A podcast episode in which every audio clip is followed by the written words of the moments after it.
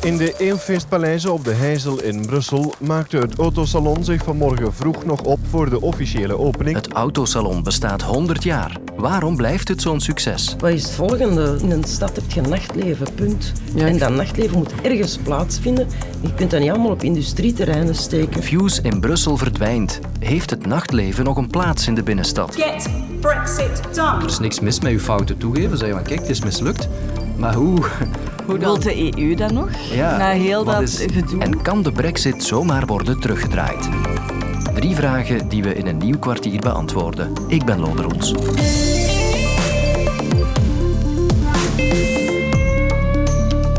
Welkom. Op de Heizel in Brussel start dit weekend het Autosalon. Met een feestelijke strik rond. Want het is al de honderdste editie. Ja, zo lang bestaat het salon dus al. Op de Heizel start morgen het 40ste Belgisch autosalon waar 13 landen het puikje hebben bijeengebracht.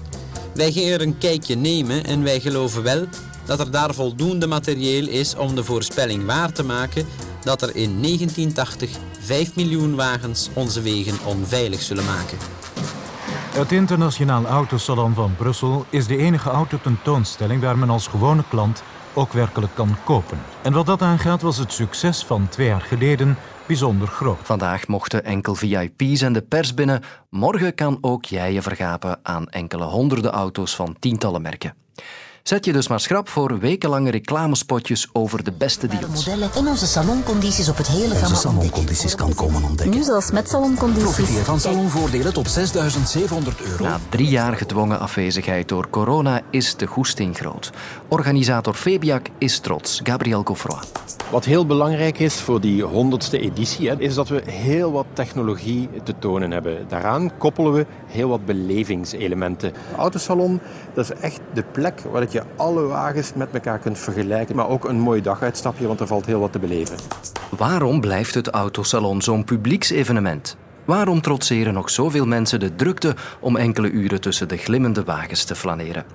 Autojournalist Gert Verhoeven, welkom. Goedemiddag. Waarom zijn we zo verknocht aan het salon? Wel, de Belg is gewend om te wachten op het salon om zijn auto te kopen. Heel veel mensen ehm, vinden de auto zeer belangrijk. Je hebt enerzijds de, de emotionele band, maar anderzijds is de auto nog steeds op een huis na de grootste investering die mensen in een gezin maken. En in, ja, in die zin eh, willen mensen zo goed mogelijk geïnformeerd zijn. En op een salon eh, stelt hen in staat om op een halve dag tijd met heel veel merken kennis te maken, met tal van producten kennis te maken.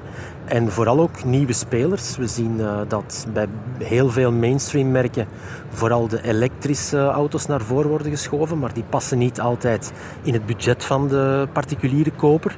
En we zien hier vandaag ook een aantal Chinese spelers. Ik denk aan MG, ik denk aan eh Ceres, die toch wel met eh, ja, Chinese betaalbaardere producten aankomen. En die mensen misschien ook wel kunnen interesseren. In het verleden waren er altijd fikse kortingen te krijgen. Dat is dit jaar toch wel wat anders, hè? Ja, we zien vandaag dat de automarkt wat de particulier betreft echt op zijn gat zit. Het is natuurlijk zo dat het aanbod eh, met betaalbare auto's kleiner is dan de voorbije edities van het salon. En dat ook ehm, niet alle constructeurs gaan met de zwaarste kortingen zwaaien. Eh, vandaag zal het eh, een manier om mensen over de streep te trekken eerder de, de snelle levering zijn dan de absolute prijskraker. In het buitenland zie je vaak dat autosalons verdwijnen, ophouden te bestaan. Dat van Brussel blijft eh, doorgaan. Hoe komt dat? Wat, wat is de context daar rond? Wel, de meeste Europese salons, denk aan het salon van Genève par excellence, is verdwenen. Ehm, omdat constructeurs dat niet meer konden betalen om overal grote stands te bouwen. Brussel ehm, heeft een andere insteek. Brussel is een verkoopsalon waar constructeurs eh, omzet draaien. In België eh, wordt het salon meestal goed voor een derde van verkoop op een jaar. Dus daar zijn commerciële redenen om hier te zijn. En laat dat nu net de reden zijn dat een salon van Brussel overleeft en dat er vandaag ook wel een aantal eh, belangrijke premières hier te zien zijn. Er was ook vaak kritiek op het autosalon. De macho-cultuur, die eh, schaars geklede hostessen, eh, de plaats van koning auto in onze maatschappij, de vervuiling ook. Is zo'n autosalon nog wel van deze tijd? Wat denk je? Wel, ik, wat ik hier vandaag zie is dat het salon een stuk rationeler is geworden. Het salon is ook gehalveerd in oppervlak. En wat hier vandaag vooral te zien is, zijn net die groene of die ecologische uh, elektrische auto's.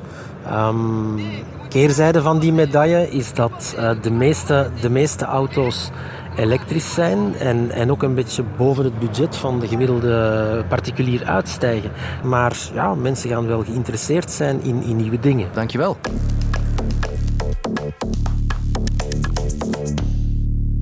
De legendarische technoclub Fuse in Brussel moet na 29 jaar de deuren sluiten. Een man die naast de club kwam wonen diende klacht in voor geluidsoverlast. Leefmilieu Brussel legde Fuse daarop strenge voorwaarden op. Om twee uur s'nachts sluiten en geen muziek luider dan 95 decibel. Maar dat is volgens de club zelf onmogelijk. Zelf ben ik er nooit geweest. Dus om te begrijpen wat de Fuse zo bijzonder maakt, laat ik me op sleeptouw nemen door Veronica, een trouwe Fuse-ganger. De Fuse Experience die begint eigenlijk al als je buiten in de rij staat. Dan is het een beetje koud en je passeert ook een nachtwinkel en dan kan je op dat moment ook nog heel even beslissen of dat je die avond uh, gaat roken of niet.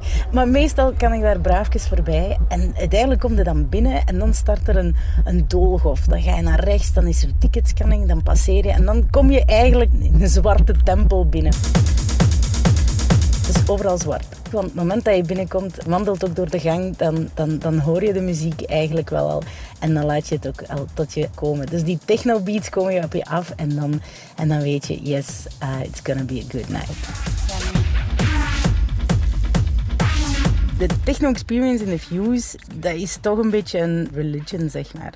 De techno-beat, dat in je opnemen, dat, dat werkt een beetje meditatief. Dat werkt ook... Is dat stom als ik zeg helend? Is dat erover? Wat ik ook nog leuk vind aan, aan de Fuse, is dat het volledige gebrek aan matuhu gehalte. Als je klaarmaakt voor je feestje s'avonds, dan is het altijd wel zo'n beetje spannend van ja, wat ga ik aandoen? En, en in de Fuse nobody cares. En dat is zo ontwapenend. Ook voor Thomas, een van de grootste techno-dj's en producers van ons land, is Fuse een mythische plek. Mijn meest leuke herinnering eigenlijk is van de allereerste keer dat ik naar Fuse gegaan ben. Carl Craig, ik weet nog perfect met welke plaat hij begon, dat was Sueño Latino. En het, het was zo een, een, een, ja, een openbaring toen, echt voor ons van wow, wat is dit? Dat is op mij altijd bijgebleven. En dat is dus al bijna 30 jaar geleden, maar ik zal het nooit vergeten. Peter de Kuiper heeft dat in der tijd gestart met het oog op iets te doen met techno, wat toen helemaal not done was. Dat bestond gewoon niet.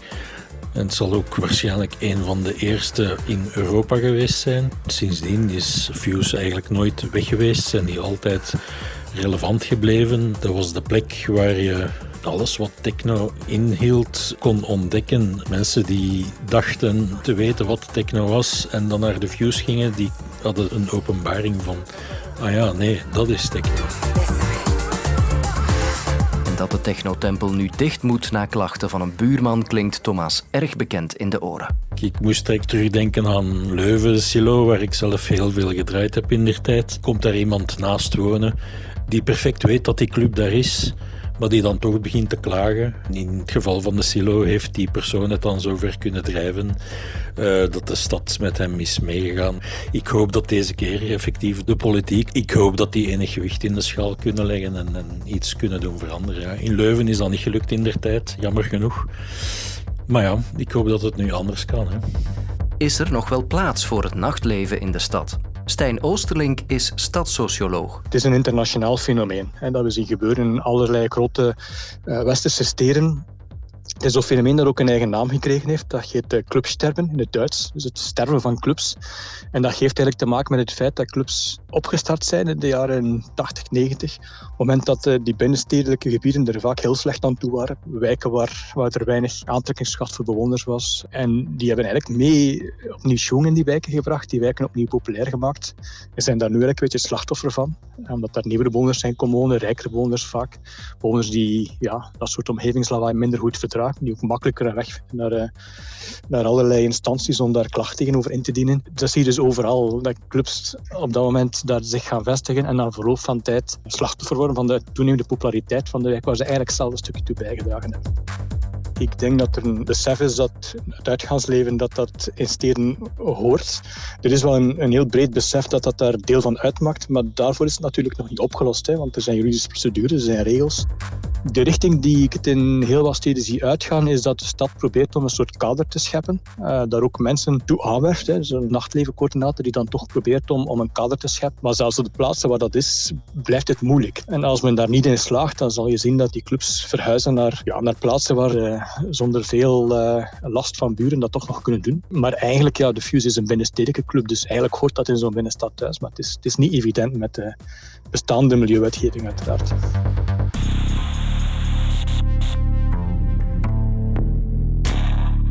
Herinner je je dit nog? Get Brexit done. Dude, we are going to energize the country. We're going to get Brexit done on October the 31st. We're going to take advantage of all the opportunities that it will bring in a new spirit of can do. To control immigration as a member of the European Union, it isn't difficult. It's impossible. And this is a once in a lifetime chance for us to take back control of this country. Can you hear me at the back? Yeah! De campagne van de Brexiteers om het Verenigd Koninkrijk uit de Europese Unie te krijgen vond al zeven jaar geleden plaats in 2016. Na lange en moeilijke onderhandelingen was de Brexit in 2020 dan een feit. Maar niet iedereen is daar gelukkig mee. De burgemeester van Londen, Sadiq Khan, haalde gisteren in zijn nieuwjaarstoespraak die brexit nog eens aan. Correspondent Lia van Beekhoven. Sadiq Khan zegt dus dat het duidelijk is dat uitreding slecht is geweest en nog steeds slecht is voor de Britse economie. En dat de regering daarvoor de kop in het zand steekt. En wat Kaan wil is een debat over toenadering met Brussel, over lidmaatschap van de Europese interne markt. Hij wil niet terug naar volledig lidmaatschap van de EU. Daar heeft hij tenminste niet over. Dat zal hij wel willen, maar dat, uh, dat is irrelevant. Irrelevant volgens Lia, maar het debat over Europese toenadering is nooit helemaal weg over het kanaal. Maar kan je de brexit zomaar terugdraaien? Wat als de Britten zich nu toch terug bij de Europese Unie zouden willen aansluiten? Is dat mogelijk? Op dit moment ja, lijkt, het, lijkt het science fiction. Hè? Europa-kenner Hendrik Vos geeft twee redenen waarom het wel en twee redenen waarom het niet zou kunnen. Yes. Want het kan juridisch. Juridisch kan dat. Er is een procedure om lid te worden van de Europese Unie. En eigenlijk beantwoorden de Britten min of meer aan alle voorwaarden. En zouden zij zelfs heel snel kunnen weer toetreden tot de Europese Unie. Maar dus eigenlijk de bestaande voorwaarden die er zijn om toe te treden tot de Europese Unie. En waar landen als Servië en Albanië en ja, in principe ook Oekraïne nu volop naartoe aan het werken zijn. Dat is het overnemen van al de bestaande Europese wetten. Ja, voor de Britten is dat niet zo een probleem, want zij, zij hebben eigenlijk al die wetten nog. En ja, zij, zij zijn in de, in de periode waarin ze uit de Europese Unie zijn gegaan, zijn zij nog niet al te veel beginnen afwijken. Yes. Want de EU heeft erbij te winnen. Ik denk als de Britten zouden zeggen van uh, mogen we weer toetreden tot de Europese Unie, er zullen zeker wel wat, uh, ja, wat, wat, beleidsmakers met hun ogen beginnen te rollen. Uh, maar de sfeer zal er toch wel één zijn van Uh, ja, we gaan dat doen. Want de Europese Unie zonder Groot-Brittannië is wel een iets uh, zwakkere Europese Unie. Hè. Als wij grote handelsgesprekken voeren met andere plekken in de wereld, ja, met hoe meer je bent, hoe sterker je staat. Als wij ten aanzien van Rusland een krachtig signaal willen geven. Ja, ons signaal is krachtig, maar het zal nog krachtiger zijn als de Britten helemaal ook op die lijn zitten. No. Want politici zouden het niet verkocht krijgen aan de Britten. De Britse partijen die dan gaan zeggen van ja, we hebben uh, het Britse volk van alles wijsgemaakt en, en eigenlijk is de Europese Unie veel toffer dan we altijd hebben laten uitschijnen en we willen er weer... En het is ook veel belangrijker, dus we willen weer toetreden. Ik denk dat je dat op dit moment in Groot-Brittannië nog niet verkocht krijgt. Misschien wel aan een meerderheid, maar, maar niet aan ja, heel breed maatschappelijk, daar is dat land nog niet klaar voor. Um, de, de, verdeeldheid ook binnen Groot-Brittannië is, is te groot en ook vanuit democratisch oogpunt. De Britten hebben ervoor gekozen om, om die Unie te verlaten. Nu zeggen van ja, dat was eigenlijk een beetje om te lachen. We gaan nu weer terug. Uh, dat zou dat land nog meer splijten. Dus, dus op dit moment is dat niet aan de orde. No. Want de prijs van de EU zal hoog zijn. Hoe meer nieuwe regels zij maken en hoe verder dat zij afwijken van Europese regels, hoe zwaarder de prijs zal worden die ze dan weer gaan moeten betalen als zij willen toetreden en hoe langer dat de onderhandelingen ook wel weer zullen duren. En ja, dat is dan de vraag voor de volgende jaren. Hè, van gaan zij echt verder beginnen afwijken van Europese standaarden en normen en reglementen en afspraken of niet?